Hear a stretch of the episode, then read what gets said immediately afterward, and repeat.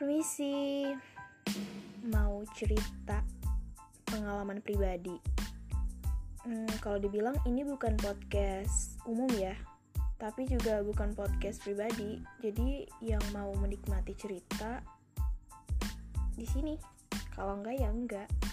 Terserah kalian sih.